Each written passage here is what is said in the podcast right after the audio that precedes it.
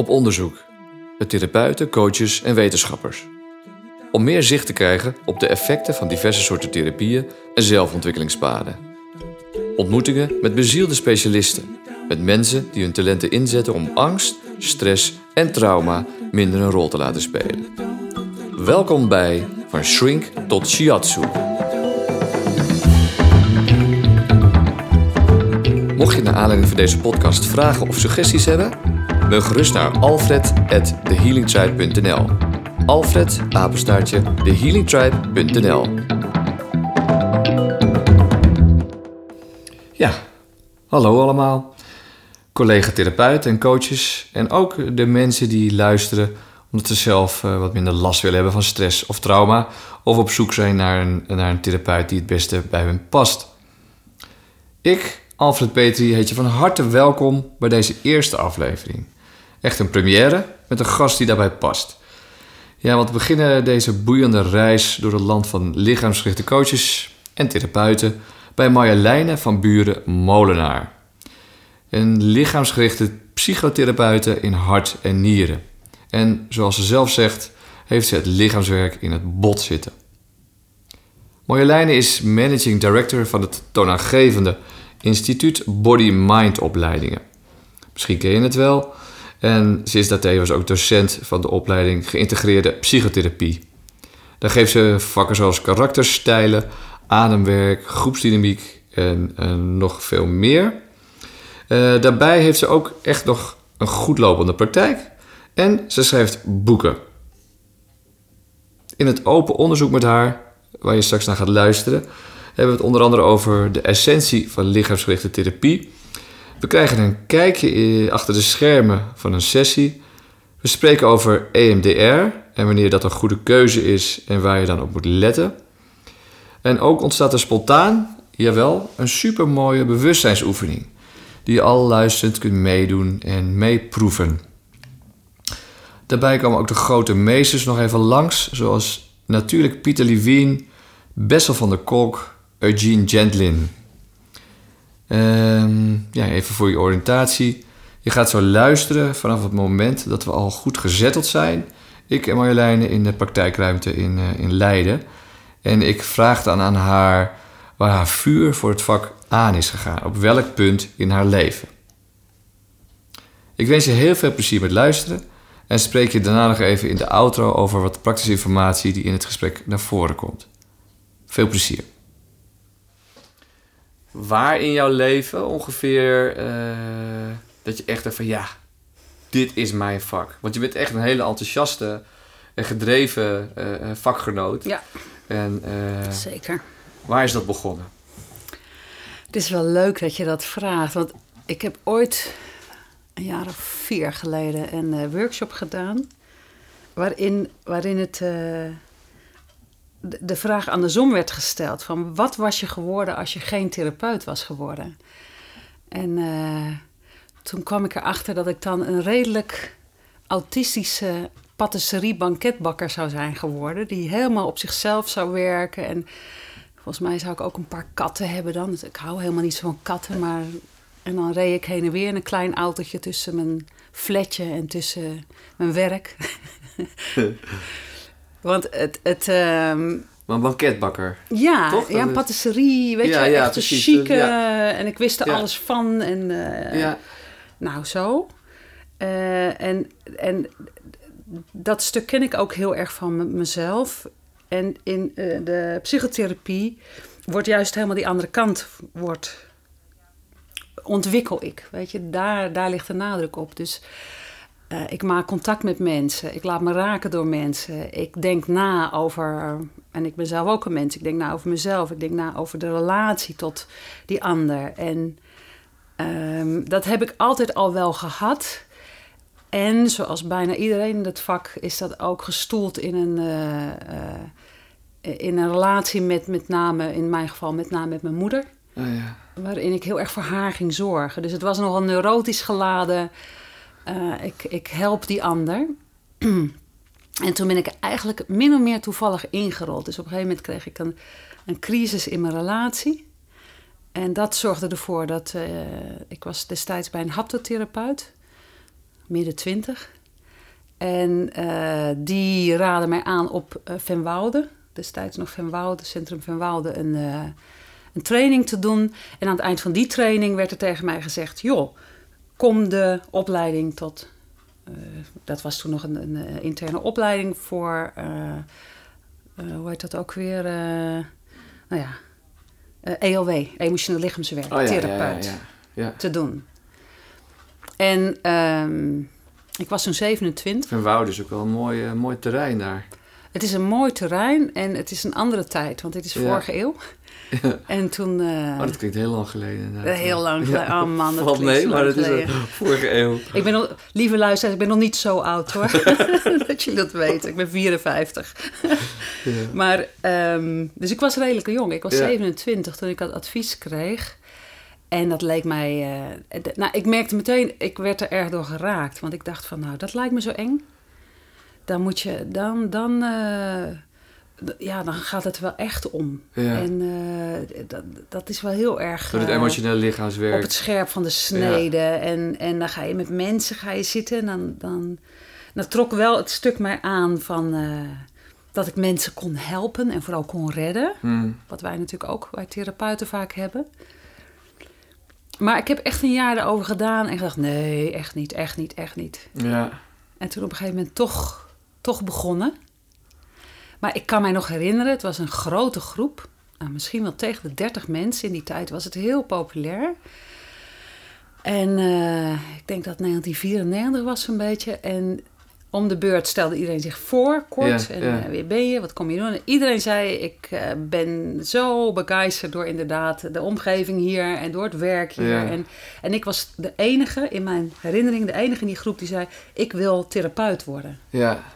Dus de, de, mensen keken meteen ook, en ik was natuurlijk 28 jaar. De meeste Ja. mensen zijn dan, nou, op zijn minst 35, maar meestal 40, 45 jaar destijds nog. Ja, ja. Dus ik was een broekie die zei, ik wil therapeut worden. Ja, ja. Wel En, gaaf. En dat is die, precies die gedrevenheid die ik bij jou ook wel echt voel. Ja, en waar die dan Ja. vandaan komt, Alfred?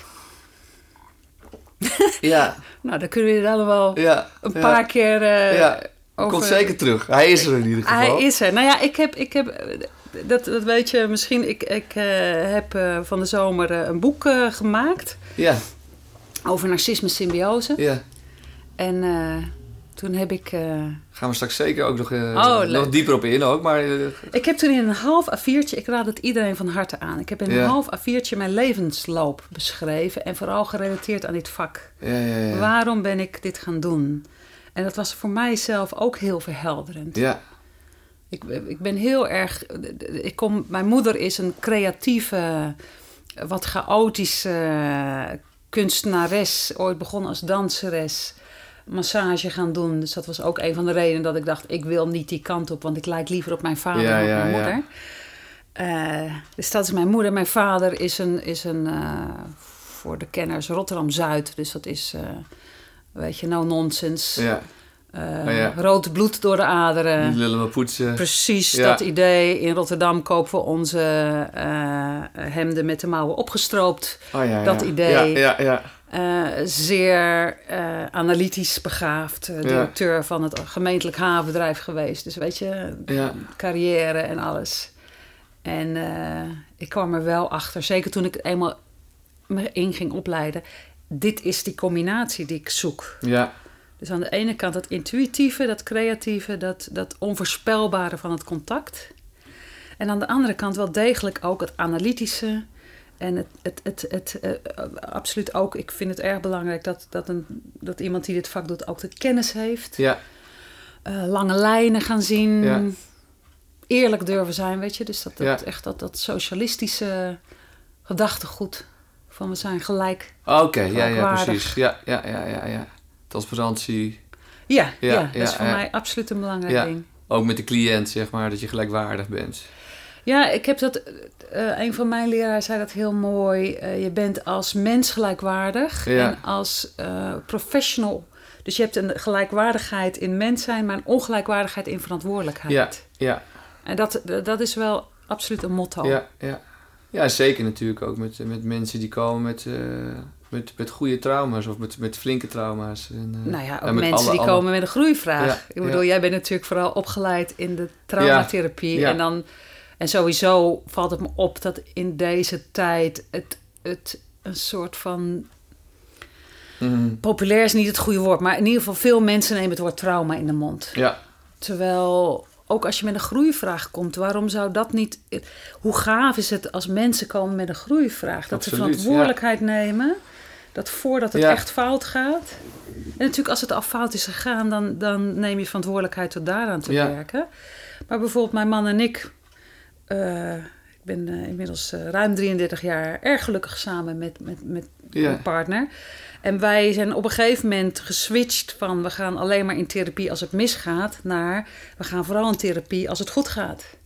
Want dan hebben we de basis samen om, om dingen wat ja fantastisch. omver ja. te gooien Ja. en te onderzoeken. En, Ja. ja. Ja, en wat je net zegt, het is ook wel van... eh, ik ben inderdaad opgeleid als, als, als SE, als eh, Somatic Experiencing Practitioner. Eh, ik mag geen therapeut zeggen natuurlijk.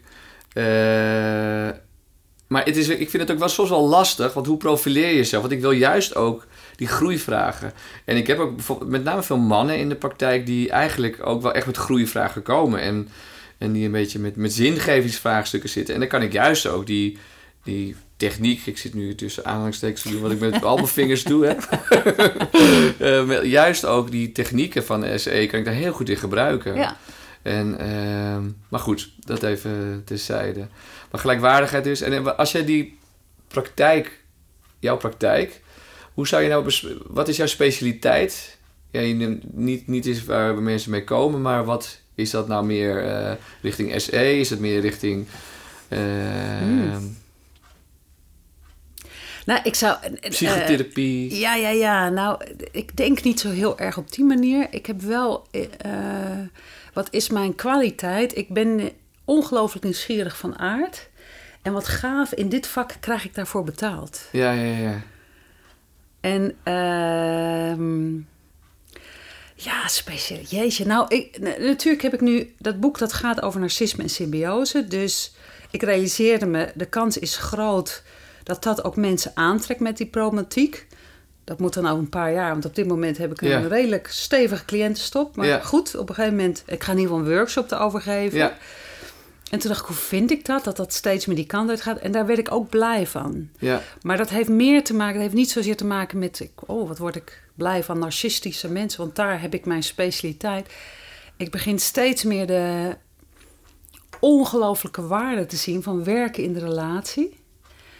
Niet alleen voor mijn cliënt, ook voor mij. ja, ja, ja. Ik leer zo ongelooflijk veel van. eh,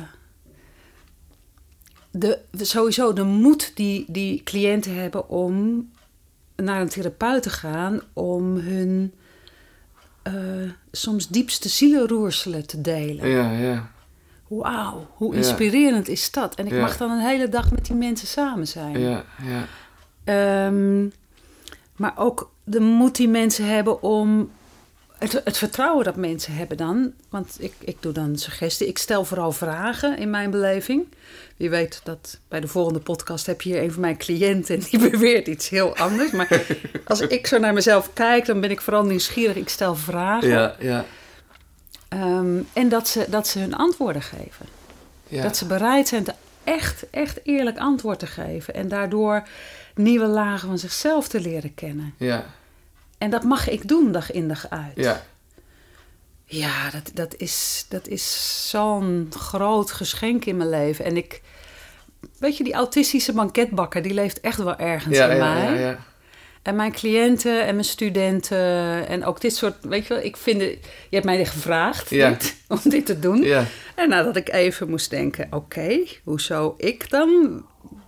En toen zei je, nou, we hadden al eerder gesprekken, je was ja, zo enthousiast, dat vind ik leuk. ja, denk ik, ja, dat, dat, ja, hè, dat schreef ik je ook, dat herken ik. Wat Ja. je schrijft erover, dat herken ik. Ik ben zo begeisterd voor dit werk. ja, Sterker nog, ik heb het gevoel dat dit ons gaat redden van een zekere ondergang. Dus de belichaming, de, het landen in onszelf is nodig om te landen op deze aarde. En om te zien, om eh, te doorvoelen, te, weet je, voeling te krijgen met wat we doen. Ja. Als we, als we de zoveelste frikandel naar binnen werken of de zoveelste snoepaanval krijgen. Ja, ja, ja. Eh, ja, en we hebben het geld ervoor, we hebben de tijd ervoor. Nou ja, de tijd min of meer. En dan zitten we achter eh, onze mobiel en dan zitten we gewoon een beetje te staren naar al die socials. En, en tussen, ondertussen zitten we wat te eten of wat te, Ja. of te drinken. Maar je hebt, je- het mist, nou weet je, oefeningetje. We zeiden van, ja. gaan we een oefeningetje ja, ja, doen? ja. Lieve mensen, laten we een oefeningetje doen. Want, want dit zijn allemaal woorden en, en het lichaamsgerichte werk Ik ga ook helemaal klaar zitten. ken, kenmerkt zich voor de luisteraars thuis. Ja, ja. Alfred gaat mooi op rechtop zitten. Mijn uitnodiging is, doe dat vooral niet. Ga zitten zoals je wil zitten. Of ga liggen of wat dan ook. Weet je, de, ehm, het begint er... Anders, anders vervang je de ene set regels voor de andere set regels. Dus het begint ermee dat je nieuwsgierig wordt van... Wie ben ik? Jij zei in het begin, ik wil ook mezelf beter leren kennen in deze Ja, podcast. Interessant, want wat ga je dan ontdekken? ja. Hoezo, hoezo moet je jezelf beter leren kennen? Wat ken je dan nog niet van jezelf? En ook, is dat niet ook weer een soort idee, eh, een soort beeld wat Ja. je hebt? En als ik mezelf goed ken, dan, en dan komen er een aantal Ja. puntjes. Maar Ja, het is precies dit wat je net zei. Van, eh, dat ik dan, oh, we gaan een oefening doen, dat ik dan recht ga zitten. netjes, En, ja. en ook gaan podcast doen, maar ik doe dit ook vanuit mijn therapeutschap. Dus Ja. kan, kan ik dan wel ook die eh, soms snel pratende, eh, hyperactieve Alfred zijn. Ja, Weet je wel? En, ja. ja, natuurlijk. Maar dat wil ik dus wel ook kunnen zijn. En dat is het onderzoek dat ik dat dan merk. En daarom is het leuk dat je dit gelijk dan ook weer ziet. Van ja, maar ga, ga vooral niet zo zitten. Wees jezelf of whatever dat je... Wees nieuwsgierig hoe het nu is. Dus, dus neem eens een moment om, om en, en doorgaans helpt het goed om je ogen te sluiten, omdat je dan makkelijker met je aandacht, eh, met je focus naar binnen kunt. En neem eens een moment om stil te staan bij hoe adem ik op dit moment. En, en niet met de intentie het veranderen, meer met de intentie om het op te merken. Hmm, adem ik snel of traag? En waar in mijn borstgebied zit die adem? Natuurlijk, die longen zitten in je hele borstgebied. Het zijn een soort peervormige organen. Dus onder zijn ze breder dan boven. Maar sommige mensen, of op sommige momenten hou je vooral adem met je schouders. Eh, Of juist meer met je borstbeen, of juist meer met je flanken. En dus het hoeft niks anders. Wees nieuwsgierig, hoe haal ik nu adem? En als het je lukt, blijf even weg. Zeker voor de mensen die het vaker hebben gedaan. Blijf weg bij de interpretatie. Want dan adem ik snel en oppervlakkig. Dus ik zal wel, weet ik het, gespannen zijn. Of getraumatiseerd zijn. Of niet goed in mijn lijf zitten. Nee, weet jij veel?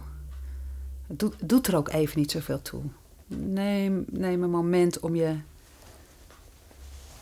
te verbinden met hoe het is met jou.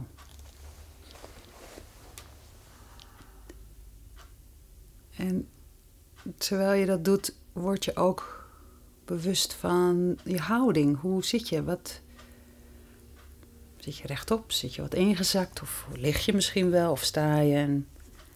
Of zit je op de fiets? Hè? Podcast, kan je luisteren waar je maar wil. Of in de auto. Hoe is je houding? En dat, dat, dat, vaak gebruiken we heel veel spieren die we helemaal niet nodig hebben, maar die, waar een soort restspanning zich vastzet. En dat kan in de schouders zijn, of soms ook in de billen of in de buik. En een heel belangrijke plek om dat ook te onderzoeken is het aangezicht. Je gaat vast in een van je volgende podcasts een uh, traumaspecialist bevragen. En die kan daar veel meer over vertellen. Voor nu is het voldoende dat je eens stilstaat bij welke gezichtsuitdrukking voel ik van binnenuit. Is er. Ben ik ontspannen in mijn aangezicht of gespannen en waar dan en hoe dan?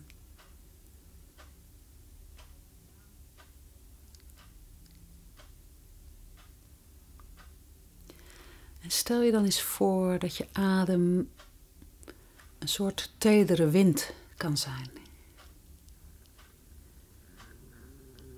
En telkens als je ademt, alsof je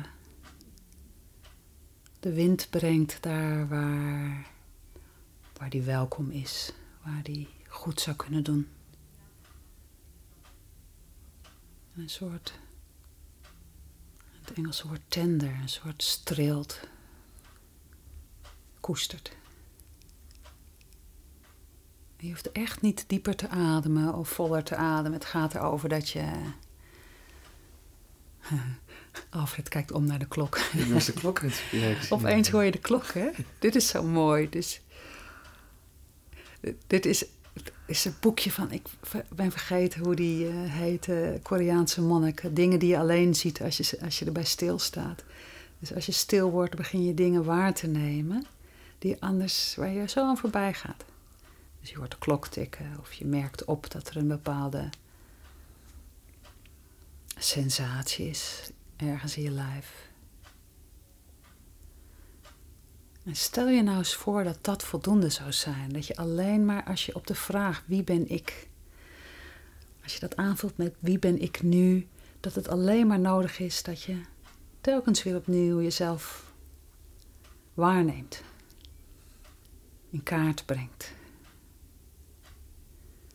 En je afvraagt, en als ik nu eens aardig ben voor mezelf, als ik nu eens vriendelijk mezelf bejegen. Welke adem adem ik dan? Welke gedachten denk ik dan? Welke houding neem ik aan? En hier en nu een heel kleine shift bewerkstelligt. Weet je, al is het maar dat je, dat je mondhoeken naar beneden hingen en dat je kan voelen, oh, als ik iets omhoog krul, dan wordt mijn hart wat lichter of ik voel me wat beter of dan gaat het piekeren. Ietsje minder worden. Of als ik nou eens mijn adem. Als ik merk dat ik vooral uitadem en ik adem iets meer in, wat is dan het effect? Weet je, gewoon die, dat onderzoek doen.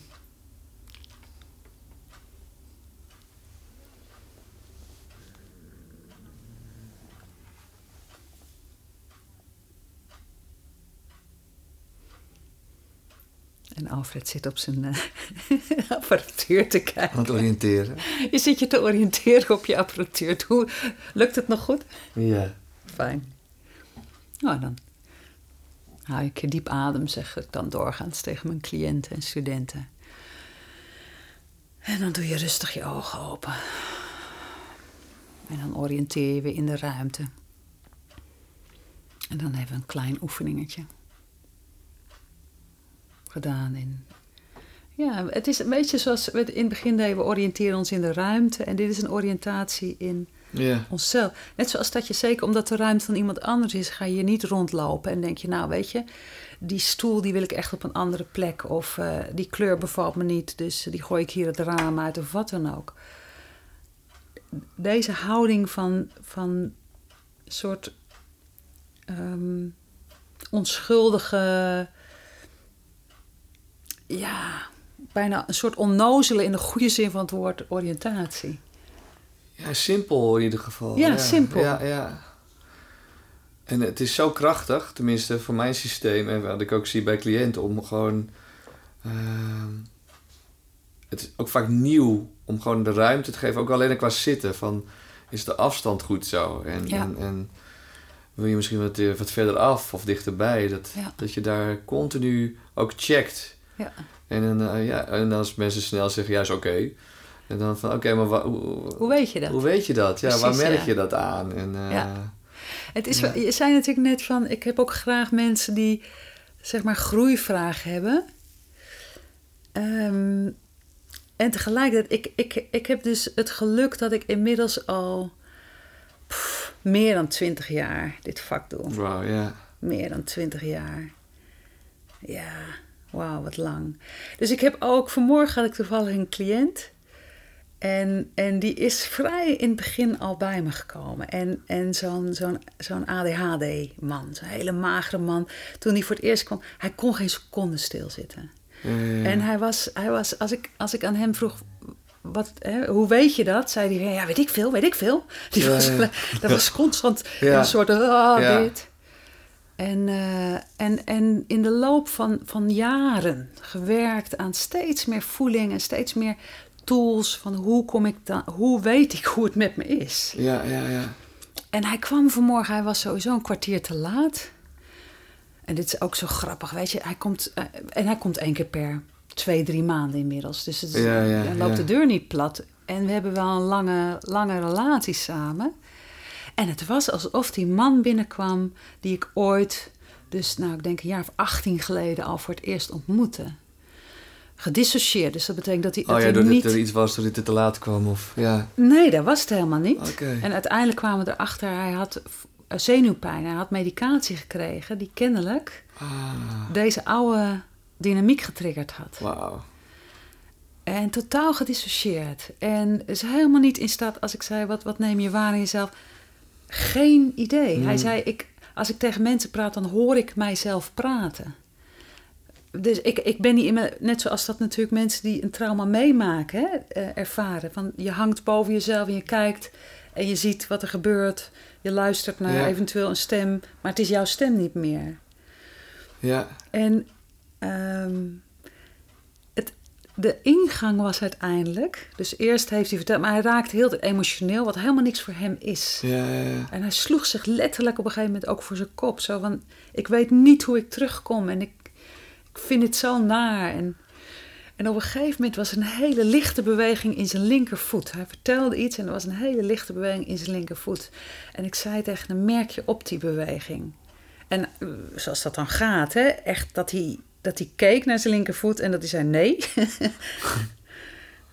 en nou, oké, laten we het er even en verder. En toen ging hij weer. Ik zeg: Merk je het nu op? Oh ja, zegt hij. Ah, ja, ja, ja. Ik zeg, als je nu eens daar naar aan voelt. En hij had echt iets van, ik voel mijn linkervoet. Ja, Nou, weet je, ik krijg kippenvel als ik het nu Ja, tegen jou zeg. En zo simpel, zo in het hier en nu. En dat bleek de ingang te zijn. ja, En dan langzaam maar zeker, oké, dus die linkervoet is een ingang en daar wat meer voeling. En dan gaat er weerstand komen. Ja, maar mijn hoofd zegt nu, dit mag niet. Ik, ik, moet, ik moet hier doorheen bewegen en ik mag niet, ik mag niet emotioneel zijn. Oké, laten we daar dan naar kijken. ja, ja, ja. En dan ontrolt zich zo'n heel proces in het hier en nu, Ja, wat zijn wortels heeft, decennia terug. ja, En af en toe in een trauma. En dat vind ik dan zo mooi, zeker als je langer dit vak doet. Dus deze mensen heb ik al vanaf het allereerste begin dat dit er was, ja, mogen ondersteunen. En, en, en dan zijn we binnen een paar minuten, terwijl hij komt totaal precies. chaotisch binnen. En binnen een paar minuten. Ja, wat een veerkracht. Dit is, veer, dit is veerkracht. Dit is veerkracht. Ja, En ja, zo gaaf. En, zo- nou, en snap je, ik zit daar met kippenvel bij. En, Ja. en het enige wat ik doe... Ja, ik stel echt vragen. Want ik zeg, merk je je voet op? En dat is een ja, vraag. ja. Ja, Meer is niet nodig. Nee, en vragen die, die je uitnodigen eigenlijk om, om te kijken of die iets van zijn lichaam kan ervaren. Maar dan ga je ook. al een stuk in de interpretatie. Ja, nee, maar ik, probeer even inderdaad een Ja. soort van... van Ja, voor de, voor de luisteraars thuis te... Ja, voor de luisteraars thuis. En voor mezelf, ik vind het wel interessant om het ook dan... eh, van, goh, wat, wat je zegt van... ik, doe, ik doe eigenlijk niks, ik vraag alleen maar. Ja. Ehm, maar je vraagt wel naar iets... Of hij zich bewust is van wat er gebeurt met zijn lichaam. Dus dat dat weer in contact komt met Dus elkaar. terwijl hè? ik dit vertel, hè, en ik vertel die linkervoet... Ja. heb je opgemerkt dat jouw linkervoet ook is gaan wippen? Nee, nee. nee, dat is nog niet opgevallen. Spiegelneuronen, Ja, zei dit. Dan kom ik langzaam in, eh, in die cliënt van jou. energie. Nee, niet eens, Nee. niet eens. Maar je, je, je bent heel geboeid aan het luisteren. Ja. En, en het... het, het, het, het, eh, wij mensen zijn natuurlijk geprogrammeerd, bedraad, hè, wired... om, om eh, ons af te stemmen op elkaar. Ja, Dat is hoe we overleven ook. Hoe we al Dat is, eh, heb je Ja. eh, het boek De meeste mensen deugen van... ja, fantastisch. Hij zegt dat, hè? De puppy, Ja, homo puppy. homo puppy, ja. dus ja. wij zijn, dat is vanuit onze verbinding en onze vriendelijkheid, dat is onze kracht. Ja. En man, wat word ik blij van die benadering. ja. En dat is eigenlijk wat ik dan bij zo'n, bij zo'n cliënt doe. Dus ik verbind me met hem. Ja. En ik voel ook, weet je, ik zit daar ook een soort naar adem te snakken Ja. de eerste Ja, ja, ja, ja, tijd. Als hij daar is. Echt, is echt dat meeresoneren dan ook, hè? Ja. En, dat, en, en die durf te hebben om daar. En dit is ook wel een, een ding hoor, want ik ben ook docent inderdaad. Ik, ik leid studenten op om dit vak te gaan geven. Maar hoe leid je iemand op om echt authentiek, integer, in contact met een ander mens een professionele eh, pad te bewandelen? ja. Want het is Dat- echt het in contact, hè? Dus- Maar dat is een soort contradictio in terminis. Ja. Want ik moet dus wel degelijk een rol aannemen. ja, Ja, wat jij net ook zegt, ik zit hier dan ook als therapeut. ja, Dan neem je een soort rol aan. En hoe doe je dat op een manier ja. dat je tegelijkertijd. ja. dat het- En wat je ook merkt af en toe, en dat, eh, dat ik ook toch ook die techniek in de gaten hou. Ja, en dan kijk je even op Ja, je. En dan ja. merk ik, dan raak ik ook afgeleid. Ja, En ja. het is constant Ja, wisselwerking. En het is continu is het ook, het is wisselwerking. En ik merk ook dat het eh, heel snel schakelen is. En heel, dat dat ook weer een soort van veerkracht van ons beiden weer vraagt ook. Eh, in ieder geval ook van mij. Om dan, dan merk ik, oh hey, nu ben ik een beetje afgeleid toch? En dan. Maar dan kan ik hem wel weer terugpakken. En dat is inderdaad mooi ook met wat je En hoe doe je dat? Hoe pak je jezelf terug? Ehm, ja, dat gebeurt ondertussen denk ik vanzelf. En wat, En, en het, het gebeurt met bewustwording van hé, hey, ik ben even hiermee bezig en niet meer helemaal in de flow van niet 100% van wat je aan het vertellen bent. en wat, wat is oké als ik Ja, dit ja, zo zeker. Jij wil jezelf dit, een beetje is eh, open onderzoek. Ja, en, en wat. ehm, dus je brengt je terug naar jezelf, zeg je dan. Dus je, en toe gaat je aan naar techniek. Ja. Dan kijk je naar, met een schuin oog naar het apparaatje dat hier op tafel ligt. En dan breng je je terug naar jezelf. Wat is dat? Wat, wat is jijzelf dan? Wat... En dat werkt met bewustzijn. En waar breng je je bewustzijn dan naartoe? En dan ging je linkervoetje weer even. Ja, nu voelde ik hem wel. Hey! Ja, ja, Dus kennelijk ben je er niet meer bij. ja, ja. Bij jouzelf. Ik kan nu meer waarnemen in het, in het geheel. Meer, meer mijn aandacht is meer, of de aandacht is meer periferie of meer wijd. Dat ik dus ook dat wel waarneem. Dus dat is een leuke. In mijn oren klinkt dat wat als een paradox. Dus als ik met mijn aandacht meer naar mezelf ga, kan ik breder waarnemen. En ook de ruimte. Je maakt een beweging Ja. met je handen, Ja, waarin je de ruimte ook aanwijst. ja minder in een tunnel of iets. Terwijl je zou denken, aandacht bij jezelf, dat er een soort tunnel is. Jijzelf, Ja, ja. dat dat iets nauws is, maar kennelijk. is niet mijn ervaring inderdaad. Nee, Nee, dus nee. wat is dat? Wat, wat, als je met je aandacht naar jezelf gaat, waar ga je dan naartoe met je aandacht? Eigenlijk gaat de aandacht... Ja, dit is de theorie wat ik nu oplepel. Ik wou zeggen, gaat terug naar awareness, naar bewustzijn. Maar dat is niet mijn directe ervaring. Ik heb geen clue eigenlijk. dat is... Ja, dat, dat is eigenlijk in mijn directe ervaring. In mijn directe ervaring van zintuigelijk in mijn lichaam. En er zijn, er, daar zijn gedachten over dan. En Ja. Hoe, en hoe is het als je zegt, ik heb eigenlijk geen clue? dat is heerlijk. Ja, Ja, maar dit is precies wat ik bedoel. Dit is hier en nu integer zijn. ja. ja. En, en je, je kan mij niet vertellen dat, dat dat juist je cliënten helpt. Of ze nou. En natuurlijk, kijk, als, als er een cliënt komt die, die hele zware problematiek heeft, ja. die heeft niet de ruimte, die perifere ruimte in zichzelf. Die, die heeft het nodig dat jij helemaal naar hem of haar toe komt ja. om, om te helpen. Het prachtige verhaal vind ik tenminste van, die, van de man in de put. De man in een put. En eh, er komt een, eh, een priester langs.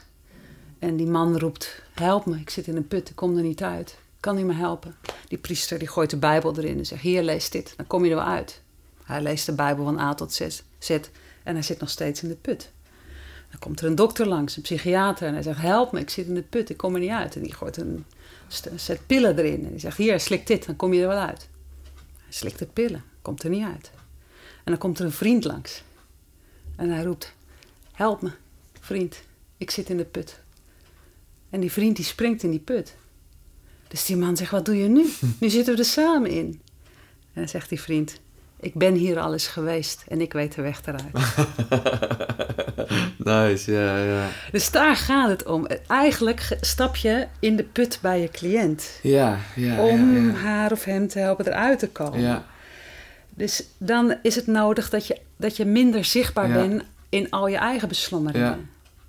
Maar uiteindelijk ben ik steeds meer aan het ontdekken in, in het, het, het eh, werken met cliënten, in het lesgeven aan studenten en ook in het schrijven van het boek. De weg eruit is dat ik als mens daar me verbind met iemand. ja. Dus dat is, dat is een heel interessante paradox waar je dan Ja. in bent. Ja, en dat je dan, want jij gaat mee resoneren ook, of mee leven met je cliënt. Je nee, bent helemaal... nee, nee, dat is veel te netjes. Dat is allemaal SE, joh. Nee, ik ben veel meer van... Dus ik kan bijvoorbeeld tegen een cliënt zeggen... Hè, dus Ja. dan heb ik... Ik werk met een, een, een, een jongere vrouw en man... die heeft echt heel heftige dingen in het me- leven meegemaakt. En die kan zo nu en dan wegzakken in een soort lethargie... die, die, eh, die me raakt. We Ja, precies. En zak je samen. daar mee in die, in die. En ik kan dan echt tegen haar zeggen: Godver, mag ik vloeken op deze podcast? Eh, nee. Potverdikke me, potverdikke me, van zeg ik Spotify. dan. Potverdikke me, zeg ik dan. ja. Ik, eh, ik, ik zie je potentie. Ik Ja. zie hoeveel je in Ja. huis hebt. Ik heb het al zo vaak meegemaakt dat we samen een stap hebben gezet. Ja, En, en het raakt me. Het raakt me dat, dat we hier zitten nu ja, ja, ja. ja. op deze manier. Ja. En ik bedoel, het is belangrijk dat ik het zeg op een manier dat zij niet de indruk krijgt dat zij me- mij moet redden. Ja, ja, ja, ja. Ja, ik, precies. Ik precies. draag het zelf wel. En als ik het niet kan dragen, ga ik naar mijn intervisie en mijn supervisie en mijn scholing en mijn. Ja, ja. Weet je, dan ga ik aan het werk. En ik, ik ben, en dat doe ik niet de eerste sessie, maar dat is ook het mooie van een cliëntenstop, Ja. dat je dan inmiddels jaren met de mensen werkt. Ja. En je noemt het al eventjes, hè, met, met, eh, met PIT. Want dat is heel erg SE. En ik zeg gewoon, en dan ga je gewoon veel meer eigenlijk vanuit jezelf echt praten van... Ja, maar ik baal gewoon nu tegen die cliënt. Ja. Van dat je hier nu bent, dat wij hier nu zitten. Ja, en, en, ja. en, eh, en ik snap dat verschil. En het is de, de, die, je maakt me bewust van de voorzichtigheid. Ja, ja. En de voorzichtigheid. Ja, en voor mij is er een belangrijk onderscheid tussen voorzichtigheid en zorgvuldigheid. Ja, Voorzichtig. En dat ook als je lees je Bessel van de Kolkmaat na en hij Ja. refereert dan altijd naar Ja. zijn vrouw, hè, die een echte lijfwerker is. Voorzichtigheid is no-go area als je werkt met trauma. Want dat, dat brengt alertheid met zich mee. precies. Het Nou, is niet veilig dan. Ja, nee. Ja. Eh, We zijn voorzichtig, dus het is Ja, hè, het, de hertjes die Ja. het kopje omhoog doen terwijl ze stond te drinken en iedereen gaat en iedereen doet mee. Wat is er? Wat is ja, er? Ja, ja, ja, ja. Terwijl nauwkeurigheid, dat is ook waarom ik mijn vaders analytisch vermogen nodig heb. ja. Dat is toch dat je een soort meedraait op een hoger vlak en kijkt, oké, wat, wat, wat gebeurt er? En, en wat is, wat is de, de, de focus van deze behandeling? En hoe breng ik ons er telkens naar terug? Ja. Want daar gaat het wel om. ja. We zitten hier niet een gezellig gesprekje te houden. Nee, precies. We hebben absoluut een focus. Ja. Tijdens een sessie.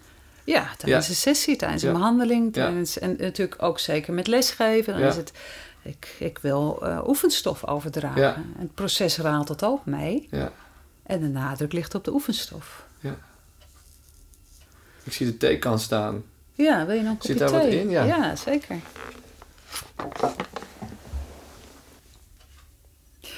En, en ik realiseer me, als we het dan hebben hè, over, die, over hoe zichtbaar je jezelf maakt. Ik heb eh, het grote geluk dat ik supervisie volg in, eh, in Engeland. Bij eh, een eh, collega die heet Michael Sot. Een Duitser die in Londen woont. En ehm, hij heeft het, hij is niet de enige, over enactment. Waar we het altijd hadden over overdracht tegen overdracht, heeft hij het over enactment. En hij zegt eigenlijk, het is een smoezelig gebied tussen de mensen. Tussen alle mensen. Want als, als wij hier samen zitten, Weet je, jij raakt afgeleid door de apparatuur omdat dit de eerste Ja. keer is. Je weet nog niet.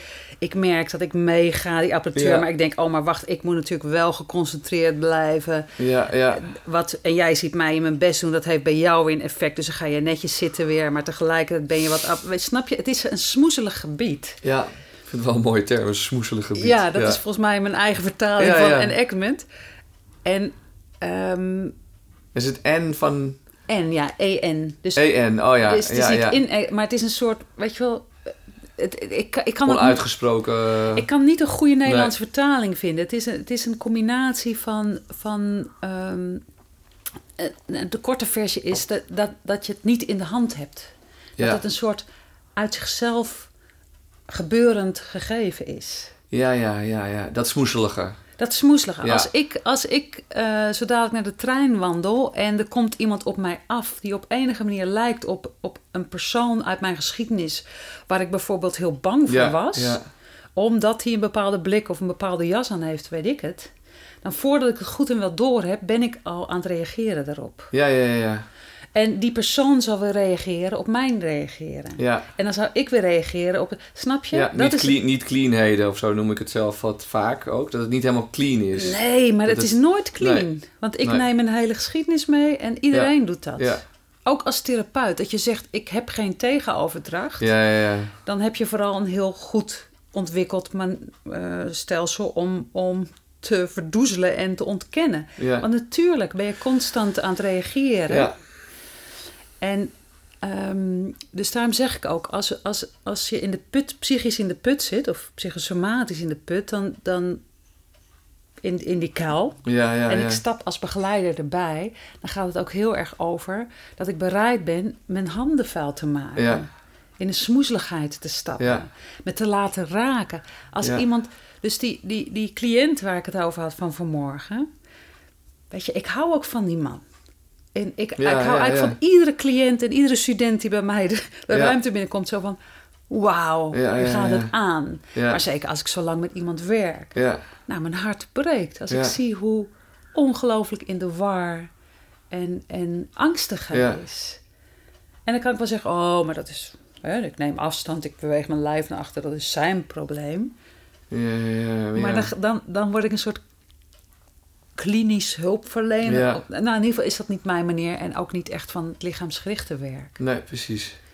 Dus wat dat voel ik mij ook vereerd dat je mij als eerste hebt gevraagd. Ja, Omdat ik, ik heb het, het, het lichaamswerk in mijn botten zitten. ja, Weet je, op Van Wouden Ja. ging je om kwart voor zes...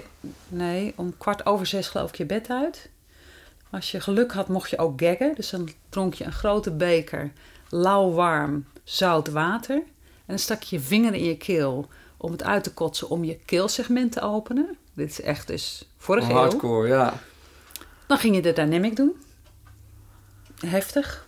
Een heftige Osho-meditatie. Oh ja, Eh, die duurde een uur.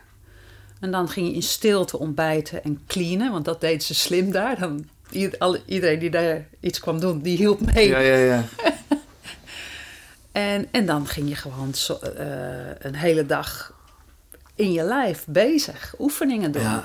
En vaak s'avonds ook nog en soms de nacht doorhalen. En dat was niet goed hoor. Dit was too much. Zeker voor, voor heel wat mensen. Voor mij ergens ook. Ja, En ik heb het wel in mijn botten zitten. Ja. Pieter Levine heeft het in zijn botten zitten. Dat is ook een lijfwerker. ja.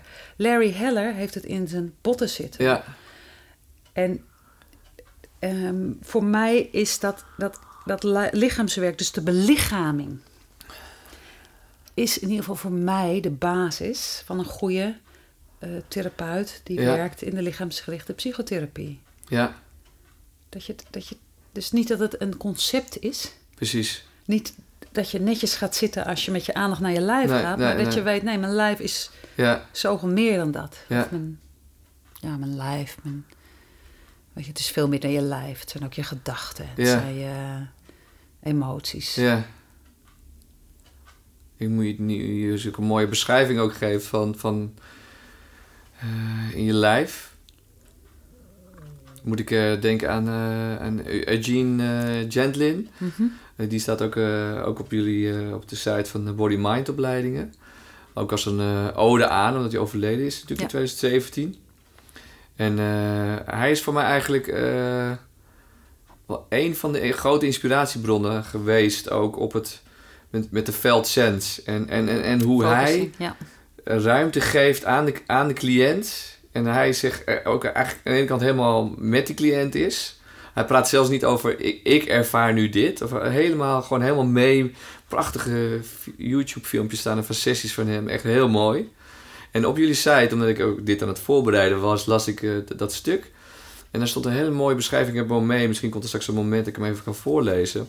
Over zijn, zijn beschrijving, definitie van... eh, Doe het nu. zal ik het nu doen? Ja, Nou, misschien wel een goed zo lang- moment ook. Zo lang hebben we niet meer. Ja. En, eh, Is Tenminste, zo lang? qua, zo lang hebben we niet meer Eh, qua, nee, precies, qua klimaat bedoel je. qua podcasttijd. Die- We hebben nog een paar jaar en dan is Leiden onder andere ook eh, overstroomd. Maar dat doen we in een andere podcast. Dus Eugene Gentlin, dat is trouwens de, ook de grondlegger eh, voor, de, voor de luisteraars thuis die eh, me nog niet kennen van Focusing. Een hele mooie, hij is een hele mooie lichaamsgerichte therapeut, een man. Fantastisch. Het artikel is trouwens geschreven door Christel Brugmans, heet ze volgens mij uit mijn hoofd. Het is ook wel fijn om... eh, Ja, om de credits te geven. Ja, ja. ja. Ja, en sowieso dingen die genoemd worden, en, eh, zoals eh, de workshop en het boek waar je het over hebt, eh, gaan we zo nog even ook, ook, ook nog op, bij stilstaan. Maar alle specifieke gegevens staan ook allemaal bij de beschrijving van de podcast. En zal ik ook in de outro allemaal noemen hoe je dat kan vinden en waar je dat kan vinden. Dus dan kun je ook gewoon eh, weer relaxed gaan zitten of liggen of fietsen. Oké, Eugene, Eugene Gentlin over eh, zijn eh, beschrijving van het lichaam. Wanneer ik het woord lichaam gebruik, bedoel ik meer dan de fysieke machine. Je beleeft niet alleen lichamelijk de omstandigheden rond je, maar ook al die waarover je denkt in je geest. Je fysiek gevoelde lichaam is in feite deel van een gigantisch systeem. Van hier en andere plaatsen. Van nu en andere tijden. Jij en andere mensen. Dus ook relationele dingen. Dat voeg ik er nu tussendoor door. In feite het hele universum. En deze betekenis van lichamelijk leven in een reusachtig systeem, dat is het lichaam. En het wordt van binnenuit gevoeld. Ja, ik, vond dat zo, ik vind het zo mooi. ja. Zo, zo fijn gevoelig ook van wat het lichaam is. Dat het een, een poort is naar gewoon hier zijn helemaal. En, Absoluut. Alleen jij, jij begrijpt, maar begrijpt met zelfs de beweging van grijpen erin, ja, wat er gezegd wordt, omdat je de ervaring hebt dat je in je lijf bent. ja, En wat dat dan is, whatever that may be. ja, Maar als het een concept is, dan zijn het woorden, en het zijn Ja. op zich mooie woorden. En dit is precies wat ik bedoel. Dus daarom voel ik me echt blij ja, dat, je, dat je mij gevraagd hebt dat ik in ieder geval ja, dat stukje mag inbrengen. Ja. Daar, daar ligt echt mijn hart. Dat vind ik zo essentieel. ja. Ja, en, en hij is ook begonnen om, om eh, de term felt sense eh, Ja. te introduceren. En die is naderhand ook overgenomen door meerdere mensen. Eh, waaronder ook dus eh, Pieter Levine. Ehm, en er zijn er heel veel beschrijvingen van. En, en hier werd ook genoemd de, de, dat de veldsens is het gevoelde gevoel. Mhm. En ehm, waar ik het zelf een keertje met, met, eh, met, met Doris toen over gehad heb... dat, dat veldsens, als je het grammaticaal ziet... is het to feel, felt, felt. Dus het is het gevoelde... Het, wat er ooit gevoeld is. Ja. En met trauma is dat, die ingang had ik toen natuurlijk, Ja, dat perspectief. ja. Dus er zitten in je lichaam zitten gevoelens van die toen ooit ervaren zijn. En daar kan je nu, op dit moment, zintuigelijk Precies. contact mee maken. En dat is natuurlijk weer de ingang, even theorie stukje, tot, tot, tot, mijn, tot het rep- reptiele brein. En, en dan kan je hem alsnog weer de beweging af laten maken of, of überhaupt erkennen. En dat vind ik zo mooi van die term, die veldsens. Het is niet alleen maar dat, wat ik al mooi vind, het verschil tussen emoties voelen en echt zintuigelijk voelen. Van oké, het voelt nu, ik voel de handen over mijn benen wrijven en het is nou, een beetje warm daardoor. En oh, ik voel nu ook mijn hand en niet alleen mijn been. Zintuigelijke ervaring. En dat kan ook bij mijn darmen. Ja. En, en, en, het, en het kan zelfs een kleur hebben. Daar heeft hij me voor het eerst bewust van gemaakt eigenlijk. Van goh. En dan die zintuigelijke, dat zintuigelijke paletje, ook met je, met, je, met je ogen erbij en je gevoel, je tastzin. En dan komt er nog eens een gedachte bij, soms, soms heeft het een stem. Eh, ja, dat vind ik zo, het klinkt echt te simpel voor woorden, maar het is zo groots. Als je dat eenmaal. eh, Als je eh, dat werkelijk begrepen ja, hebt, vastgegrepen hebt in jezelf, is het. Weet je, en, en voor mensen die dan zeggen, ja, lichaamsgerichte psychotherapie, waar gaat dat over? Dat gaat over dat als je het koud hebt, dan trek je een trui aan. Dat vindt iedereen normaal. ja, Of als je een volle blaas hebt, dan ga je naar het toilet. ja, Dat vindt iedereen belangrijk dat je Ja. dat doet. Maar als je hart, hartenzeer hebt, of het, en terwijl je kan ook eh, tot aan dat, dat, dat, dat, dat je, dat je ontstekingen in je darmen hebt, tot, weet je, het lijf geeft het, kan het op gaan geven als, het niet, ja, als er niet naar geluisterd wordt. ja, Weet je, als kinderen op de achterbank in de auto waar de ouders geen aandacht aan geven. Ze gaan steeds harder schreeuwen, ja, totdat je de auto aan de kant moet zetten. ja, En dit ook. Dus eh, hoe gaaf zou het zijn als wij moderne westerse mensen weer leren adequaat op de signalen van ons lijf te reageren? ja. Hoeveel simpeler wordt het? Ja. Ja, en, en, en, en nu je dat zegt, moet ik ook denken aan wat ik heel vaak met cliënten heb, zeker ook met, eh, met, eh, met mishandeling en seksueel mishandeling. Eh, dat dan een, natuurlijk een, zeker als klein kind, dat je een, een, een freeze-reactie is, heel, is het beste wat het systeem kan doen op dat moment. Maar dat, dat, dat je krijgt daardoor ehm, zoveel schaamte op van waarom heb ik niks gedaan. Dat is wat je zo vaak hoort. Terwijl als je dus steeds meer weer begrip krijgt van hoe het systeem werkt, dat het eigenlijk een heel iets intelligents is geweest. Ja, ja. En als je dat langzaam weer een beetje ook weer leert, dat is dan wel weer een beetje via het hoofd, psychoeducatie natuurlijk, zoals we dat noemen. Nou ja, maar het is een samenwerking tussen, tussen de, de gedachten en Ja. ik bedoel, het hoofd hoeft je kan ook beter naar luisteren als je het, weer, als je het weer respecteert. Het wordt een dialoog dan tussen wat je waarneemt in jezelf, in je lijf, veldsens inderdaad. En tussen, tussen wat je leert. Ja, En dan gaat het samenwerken in Ja. plaats van het constant tegen elkaar in. precies. Van, jeetje, wat zit ik nou weer verkrampt hier? Ja, nu ja. is het moment, is de podcast en dan ben ik verkrampt. Rot lichaam. Ja, ja, zo werkt het wel vaak. Ik ondertussen weet natuurlijk wel beter. En dan denk ik, oh ja, wat, wat is er nou eigenlijk aan de hand? En dan ga ik het gewoon sensen. Gewoon zintuigelijk ervaren. En dan, dan wordt het eigenlijk al, zakt het. Ja. Of iemand zoals jij die me er bewust van maakt. Op een manier die je kan horen. Weet je wel? En dat is allemaal wel eh, mooi. Maar ik vind het, Eugene, ik vond het mooi dat jullie daar helemaal een, een stuk over hebben staan. ja met dank En, aan eh, Christel. Ja, met dank aan. Christel. Eh, je hebt het al een paar keer eh, genoemd, omdat je daar heel erg mee bezig bent. En je schrijft ook over je boek. Ja. In een van je blogs. ehm, dat je het iedereen kan aanraden. Dat Schrijf een boek. Het schrijven boek, ja. Wat, wat, wat is daar... eh, ik kan er helemaal meteen helemaal mee meeleven en inleven. Want dat ben ik helemaal met je eens, denk ik. Ook al heb ik nog geen boek, maar het schrijven En als... podcasten, dat Ja, denk ik dan niet, hè? Precies, een podcast. Als alle techniek goed. Nee, maar dan gebeurt het toch ook? Ja, ja, gebeurt het ook. ja, ja. ja het is, Dus het, dat, je noemt het ook een beetje, je, je voornemen was dat, dat, dat blog, dat stuk, ook, eh, dat was heel leuk geschreven. Maar de, de essentie voor mij even nu is van, gewoon, ik ga weer liefdevol creëren. En ehm, ja, dat voelt gewoon goed. Met Ja. dit vak op die manier bezig zijn. Ja. En, en, of of whatever. Gewoon dat je er lol in hebt. Dat het fijn is. En dan gaat alles weer stromen. Ja, ja. En, eh, maar nu zit ik het zelf eh, Nou, bedankt. te vertellen. nou, die vraag hebben we gehad. Nee. Wat, Nou, wat is het voor jou dat, dat schrijven? Schrijf een boek inderdaad. En publiceer een boek, not, not that much. Nee. Nee, Naarmate het dichterbij komt. En ik, ik heb ook ik heb een blog geschreven, zeer recent. En die komt volgende week of die week daarna komt die eh, online. Ah, waar Ja. ik ook schrijf over dat... Weet je, want het is...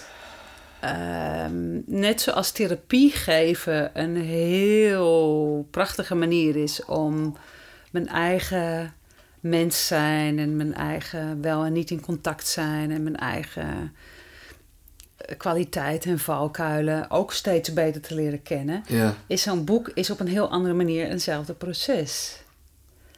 En, en wat gaat mij makkelijk af? Welk stuk schrijf ik makkelijk? En waar, waar Ja. voel ik weerstand? Wat, ja, dat hè, die check hè, weer, ook, ook weer met het lichaam eigenlijk. Ja, ja, ja, ja. En, Waar stroomt waar, het, en ja. waar verdwijnt de tijd omdat het zo gaaf is om erover te Ja. schrijven... dat ik opeens denk, joh, ik ben drie uur verder... en volgens mij moet ik plassen nu. Maar ik was vergeten dat dat ook nog iets was wat moest gebeuren. En waar is het als stroop? Het is zo... eh, het, en, en natuurlijk is dat... Het hele leven is dat. En wat maakt... wat je nu zegt ook trouwens, hè, dat, dat het, eh, eh, het stroomt dat je helemaal vergeet naar de wc te gaan. En in mijn ervaring, maar ik wil het even checken met jou of jij dat ook hebt, kan dat de dag erna weer iets heel anders zijn. Dus het heeft ook. is- Ik heb nog wel eens gehad vroeger dat ik dan dacht van, oh dit is dit, dit stroomt en oh, dan ga ik dat morgen weer doen en dan ga Ja, je ja, zitten. Nee, Maar nee, dan hoeft nee, het nee. helemaal niet zo te zijn Nee. dat het met dat stuk stroomt. Dus Nee, met, nee, met, nee. met hulpbronnen in mezelf ook zo. Hij is elke keer weer anders eigenlijk. Ik Ja, kan geen als je- kaartenbakje maken met mijn Als je daarover wil leren, kom naar de training van Marianne Bensen. Die probeert dit gegeven van, en het gaat ook over mentalisatie op het hoogste niveau. Stroming is eigenlijk dat je op het hoogste niveau, dat alles samenwerkt. Ah, ja, ja. In jou en met, met, met de ander, met je omgeving. Dat is wat, en zij, zij is dat ook een soort wetenschappelijk en in vragen is ze dat aan het, aan het determineren. Fantastisch. Cool. Echt fantastisch. Of mooi. Ja.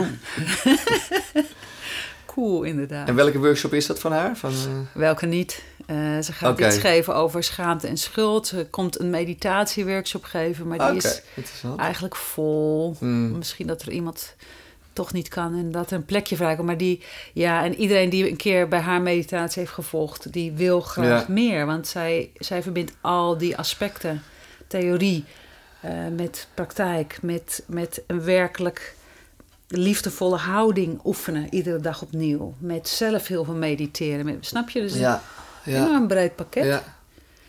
Ehm, en dat. Ik heb, ik heb met. ehm, dus ik, ik ga ook zeker nog meer boeken maken. Ik weet niet of ik ze allemaal ga uitbrengen of zo. Nee, Maar het zal wel hoor. Want het is gewoon spannend omdat het Ja. nieuw is. Net als het voor Ja, jou spannend precies. was omdat dit nieuw eh, ja, en, en wat ook weer interessant is, even technisch dan, maar ik vind die e-books ook wel heel interessant op dit moment. ja, Of, of ook weer, dat doet de correspondent heel veel, met, met boeken uitbrengen en dan ook zelfs voorlezen. ja, Dat doet die Rutger maar ook heel Ja. veel. En dat is ook, ook echt wel weer een soort nieuw ding. Ja, dat is ook wel interessant. ja, ja. Maar, ehm, maar, maar dit boek wat nu uit gaat komen, oh, en, en de, de, de, De titel is precies daarom. ja, Precies, komma, daarom. Over symbiose en narcisme. de titel, precies daarom. ja. Hoe is die ontstaan? Die is ontstaan uit een anekdote. En waar het voor mij. Er zit zo'n enorme logica in. Dus symbiose en narcisme gaat in karakterstijlen over hoe relateer je tot een ander. Het is niet de psychische aandoening. Het is echt een karakter, dus een Ja, eigenschap. ja, Ben ik, meer, ben ik liever dichtbij een ander of hou ik liever wat afstand? Ja. Dat is kort gezegd Ja. waar het over gaat. En dan is de narcistische, ik hou wel liever wat afstand. En de symbiotische is de, Precies. En ehm, de andere. het andere. Zoiets, joh. Toch een zin af te maken in deze podcast. Eén zin in ieder geval. En ehm, dus het precies daarom gaat ook over van ja, precies, dat, dat is het. Maar het is ook een, een, eh, eh, een anekdote die ik ook in het boek eh, natuurlijk aanhaal, want de titel is niet heel vanzelfsprekend of voor de hand liggend. Ehm, ik werkte toen met een, eh, eh, met een student in de groep en dat was een heel kritische student die telkens maar weer met kritiek kwam. Eh, en als je docent bent, dan geef je natuurlijk minstens één jaar, maar vaak nog meer jaren les. Ja, En de, ja, onze ja. assistenten in de Integrated Psychotherapy opleiding, die gaan mee met die jaargroepen. En op een gegeven moment sprak een van de assistenten mij aan, hoe komt het nou toch dat jij zo vriendelijk blijft tegen deze student, terwijl die eigenlijk alleen maar kritisch is? Ja, En toen heb ik gezegd, precies daarom. Omdat hij zo kritisch is, blijf ik vriendelijk. Kennelijk heeft hij nog niet het vermogen om dat binnen te laten. Dus als ik stop met vriendelijk zijn, dan bekrachtig ik hem in dat de wereld een narigheid is. En terwijl dit is een soort tegengif. Hij heeft hoogstwaarschijnlijk in zijn leven op zeer op, op, in periodes van zijn leven dat hij heel gevoelig daarvoor was, een hoop kritiek moeten verstouwen. Ja, ja. En dat ik vriendelijk ben, is, dat snapt hij niet. Dat is een taal die hij niet snapt. Maar dan moet ik niet stoppen met die taal te spreken. Ah, ja, dan moet ja. ik juist doorgaan. Ja, En natuurlijk andere handvat. Want als je alleen maar, hè, als je iemand in China, nou laten we het doen, Rusland nu, want China Ja. is even iets ja, minder. ja, ja. Andere Maar problematiek. in Rusland vraagt, ga jij daar eens wonen? Nou, dan pakt hij heus wel wat woordjes Ja. op, als hij geen woord Russisch spreekt. Maar die moet ook wat les krijgen. Ja, Dus het is niet het enige. Maar het is, ik vond het zo'n kloppende titel. ja. En, en Dat ik, het eigenlijk eh, eh, eh, zo logisch is wat je doet, omdat het gewoon vanuit de flow is. Ook. Nee, omdat om, vanuit de. Nee, want ehm, om, wij weten allemaal hoe dat werkt. Wij weten hoe dat werkt. We weten als iemand getraumatiseerd is geraakt en in de vries zit, dan zal je neiging zijn om die persoon met rust te laten. Maar Ja. het is juist de bedoeling dat je, dat je leert dat hij weer nabijheid kan verduren. ja, ja, ja. En precies omdat hij je afwijst, is het belangrijk dat je bezig blijft om, om contact te maken. Ja, Precies daarom, precies Ja. wat iemand doet. Daarvan is nodig de inzorgvuldigheid Ja. dat je gaat benaderen. En we gaan, kijk, wijs even op de klok nu, want eh, ja, ja. We gaan richting eh, afronding. jij, bent- jij zit met je rug naar de klok en je bent enthousiast. Dus voor we weten. Tijdloos, ja. Ik had toch gezegd twee uur, of niet? nee. nee. Ik wil nog wel even een paar dingen weten over eh, na- narcisme en symbiose. Daar gaat het boek over. Ja. Dat zijn de karakterstijlen. En dat is ook een van de belangrijke, één belangrijke eh, vakken die je ook geeft op de- bij de opleiding. Ja. Eh, is het nou ook zo dat als ik... Ik ben vooral... eh, ik kan me wel heel veel dingen herkennen vanuit vroeger ook. En hoe het bij mij allemaal ontstaan is, mijn karakter in de orale structuur. In de orale stijl. Maar ik heb ook wel eens gehoord van iemand, dat het vond ik eigenlijk wel gaaf. Van je hebt ook... Want het symbiotische herken ik dan weer niet zo heel sterk. Ik ben best wel eh, dit soms. Eh, Ja. en Ik wijs nu een beetje met mijn handen van naar Ja. achteren gaan. Is het zo dat je ook een soort van binnen de orale structuur... een soort ook symbiotische kant hebt of meer narcistische kant? Zo benaderen wij het in ieder geval in de vierjarige opleiding Ja. Integrate Psychotherapy. En kijk, de karakterstijlen is een concept wat ooit in de vorige eeuw verzonnen is door middelbare man. Een middelbare man en middelbare mannen hebben het verder uitgebouwd. Ja, Eh, eh, volledig niet door, door wetenschap of door waarneming. Wel door klinische waarneming, maar niet eh, kinderen waarnemen. ja, ja. Terwijl het zegt dan iets over de ontwikkelingsfases. Dus het is een, een prachtig diagnostisch model waar ik in ieder geval heel veel mee kan. Die ook een aantal levensthema's Ja. aanraakt. Zo leren we het ook aan onze studenten. En binnen Bodymind zeggen we, we hebben zeg maar vijf klassieke karakterstijlen. Volgende podcast ga ik daar verder Ja. op in.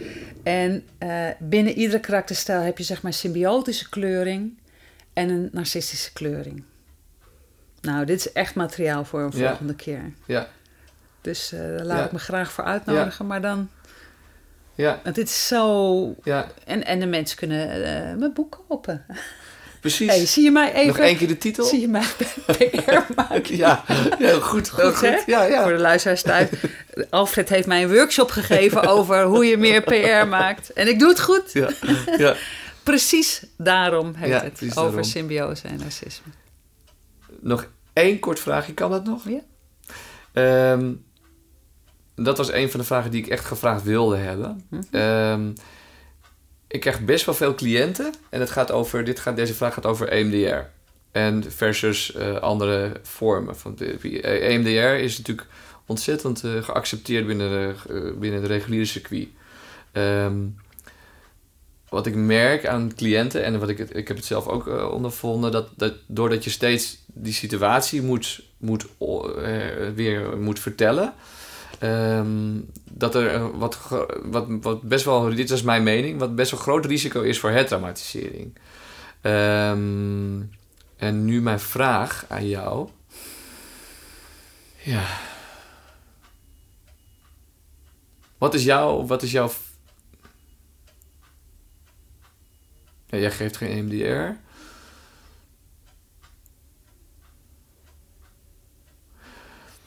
Wel, hmm. wat is jouw ervaring met EMDR? En eh, ehm, wa- zou je het, bij wie zou je het adviseren en bij wie niet? Misschien Ja. is dat, dat een concrete... Ehm, EMDR kan heel goed helpen, vooral bij enkelvoudige trauma's en bij, Ja. bij een therapeut die in staat is zich goed af te stemmen. Ook hier weer, als het niet belichaamt, als het niet in contact met, met de therapeut, met zichzelf en met de cliënt wordt uitgevoerd, dan is het een trucje. Ja, En dan is een risico, want het contact is, in ieder geval zoals ik er naar kijk, de bedding Ja. van het therapeutische proces. en dat zou je moeten checken als je, als je dat zou willen doen met een dat- enkelvoudig trauma. Dan sowieso. Ja. Op zich, ook in meervoudig trauma kan het als je een therapeut hebt die dat Ja, kan dragen. Ja, En dan kan het fantastische resultaten hebben. ja, En natuurlijk, ja, zoals altijd, zeker bij psychotherapeutisch werk, ook afhankelijk van de relatie tussen cliënt en therapeut. Ja. En toevallig, de therapeut van waar wij nu de ruimte in gebruik hebben, is een specialist op EMDR. oké.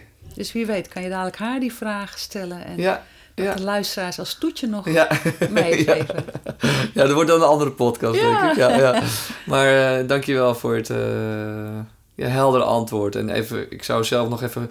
Want ik krijg die vraag veel, ook, ook van, van cliënten. eh, of van mensen die daarover zitten te denken. Omdat het dus voorgeschreven wordt, even goed, heel snel en alles. Ja. Dat mensen er snel voor gaan. Ja. Maar er zijn ook... Er zijn ook maar dus het is eigenlijk dus checken... Check of je een enkelvoudig trauma voor, de, voor mensen die niet in dit vak zitten en ook luisteren. Enkelvoudig trauma is bijvoorbeeld, eh, ik heb een ongeluk gehad, dus ik heb een enkelvoudig trauma, een shocktrauma bijvoorbeeld. Hè? Ja. En, en een meervoudig trauma is vaak ontwikkelingstrauma, dus dat je er al ergens misschien begonnen met een geboortetrauma en dat is steeds meer, dat duurt heel lang en, en, en meerdere dingen bij elkaar en dat vormt helemaal, helemaal bijna je survival mechanisme en je karakterstructuur. Eh, maar vooral dus met enkelvoudig trauma's kan het helpen. Maar let wel op, vooral gewoon heb je een... En hoe kan je checken eigenlijk? Voel je een goede klik? Voel je je thuis bij diegene? Ja. Is die in tune Ja. met waar jij bent? En als die er overheen was, ga alsjeblieft weg daar. Dat oh, dat is, zijn mijn woorden. nee, dat zijn mijn woorden en eh, dat is... die, die ga ik niet wissen. Nee, Nee. nee.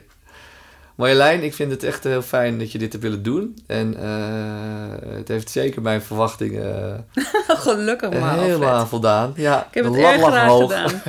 Ja, ik heb het erg En eh, gedaan. ik heb ook weer interessant gewoon met mijn... eh, ook door die techniek die eventjes dacht ik, gaat het wel goed? Ja. Eh, dat was interessant om dat mee te maken. En ook wel weer mijn veerkracht daarin geproefd. Ja. En ook eh, jouw veerkracht daarin, dat je daarmee meeging. Ik vond het ook leuk om te ervaren dat... Er staat in de microfoon, ligt hier een apparaatje.